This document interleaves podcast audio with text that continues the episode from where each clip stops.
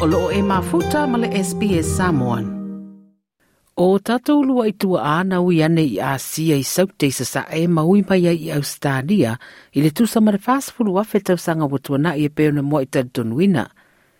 O wha maumaunga o pitora tamai mai le Tampa Ling Cave i le tui mātua Laos Wailu ai o tangata soifua na malangane anga i reitu i saute i sa sa e o Asia i le vāo le ono sfulu valu valu sfulu wono afe tau sanga taruai tu nea mare le fāsfulu afe sanga i lumatu o le teimi sa mua i talu tunuina. Mo le profesa rangolango o Kira Westaway mai le Macquarie University o se tasi leo tangata su e su e lo i aino na sao i le ripote peo na whaalawino mai. The story of our first exploits into Southeast Asia, the first time that Homo sapiens um, arrived in Southeast Asia. And it's much earlier than we really anticipated, and it's much earlier than the genetic evidence um, suggests as well, um, which has made it, you know, more sort of controversial, but still, you know, more exciting. O le whawhainga tā o lo i si o manga ma le ese ese ngai le teimi o whaamaoninga tau tangata soifua, ma whaamaoninga fo i whatau i mea ola ma au na iai le tuanai. O le ulua i mawaina o se urupo o ma se iwi o le au vai se i i le lua afe mele iwa, wa o ngatasi ma wha maumaunga mai le sidia ma le onas furu afe tau sanga te luai.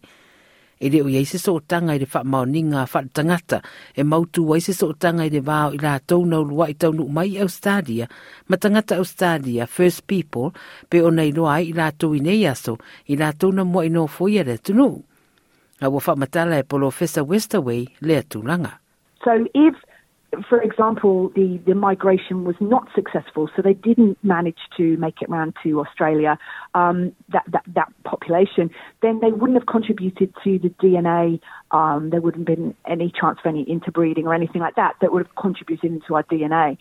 So we think that these were unsuccessful migrations, um, but again, that you know, they were still there at this time, which is still an incredible achievement. O le professor langolango Reynald Johannes Boyo, mai le Southern Cross University, o lo finau mai o le whaamaoninga lea o le tele o le mauwhimalanga inga sa tupu.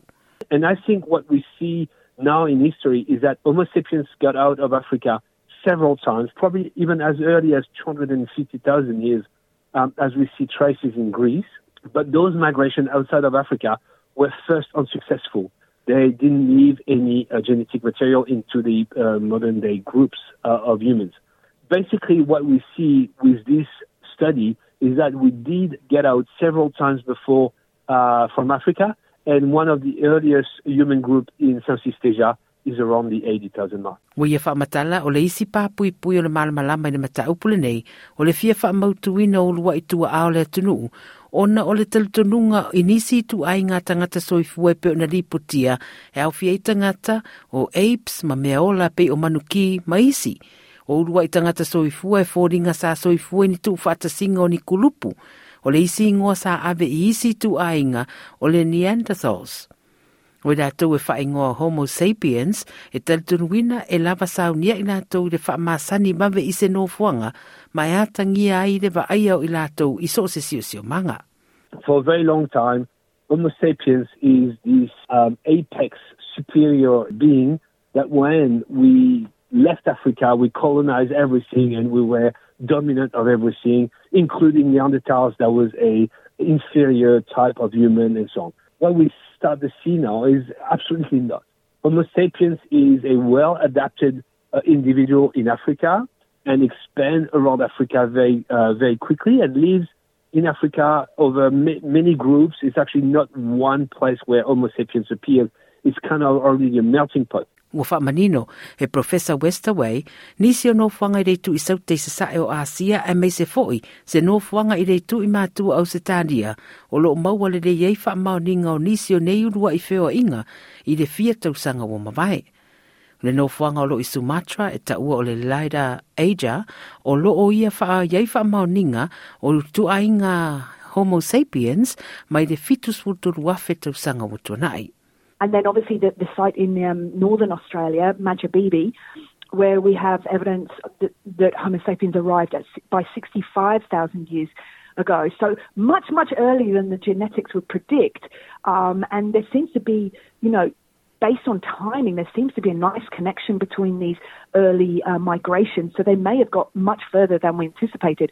O mea fo i ua maua le neisu e sui ai o tatou manatu i tūranga o whemaranga inga, ma mata wai manisi vaenga sa urua i uwia, i ngā i ngā urua i tangata soifua.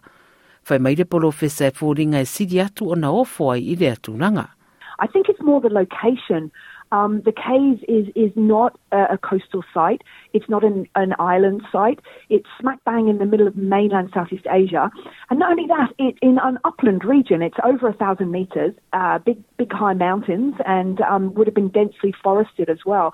So I think that will come as a surprise that hominins were choosing to move through or, or migrate through an area that might not necessarily be what we think is, you know, hospitable to, to, to movement. O Professor Joannes-Boyau e iei ona to mai le whaaturanga o tausanga o mea whaitino le rangi.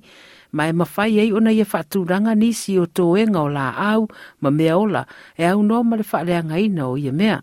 What I do is uh, I'm specialized in dating directly the fossils. It's also very important to provide an age for the fossil directly um, because you always have a doubt otherwise. So what I do, they call me when they find imported fossils, and we're very few in the world. We're actually, you know, less than a handful, like probably five or six people doing that. And my technique is I do a, a almost non-destructive dating of the fossils directly O le tuwhatasia o nisi o awala ese ese e tāua tele i le whamautu ina o i unga o neisu e suenga i a manino le leilu na whaamaunia ina.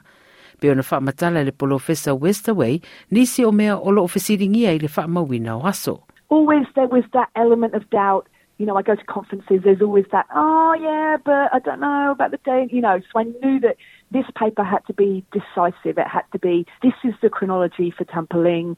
It's robust, it's secure, and the evidence spans over a wide age range. We're not just talking about you know, a few bones that were dumped into a cave. It's a much more um, regular accumulation than that. You know, it just gives a bit more integrity to the, the, the actual human story. Ma ua manino nei o le ungo nei su esu e ngā wa whaero ai, ma se isi tala anga o pito nunumi, wa whaasoa mai e whaatatau i tangata soifua. If you look at the modern day humans today on Earth, we all have very different genetic uh, material. Some have Denisovan in them, some, like me, have Neanderthals, some have neither. So what I want to say is that we are all different and we all have a different story, but we all share the same history. And that's why it's so important to understand the migration of Homo sapiens outside of Africa into Southeast Asia. And because it's, it's our history at all of us, even if we have different stories after that. O le ripoti ua tuufaatasia Catriona Stewart, mai le SBS News.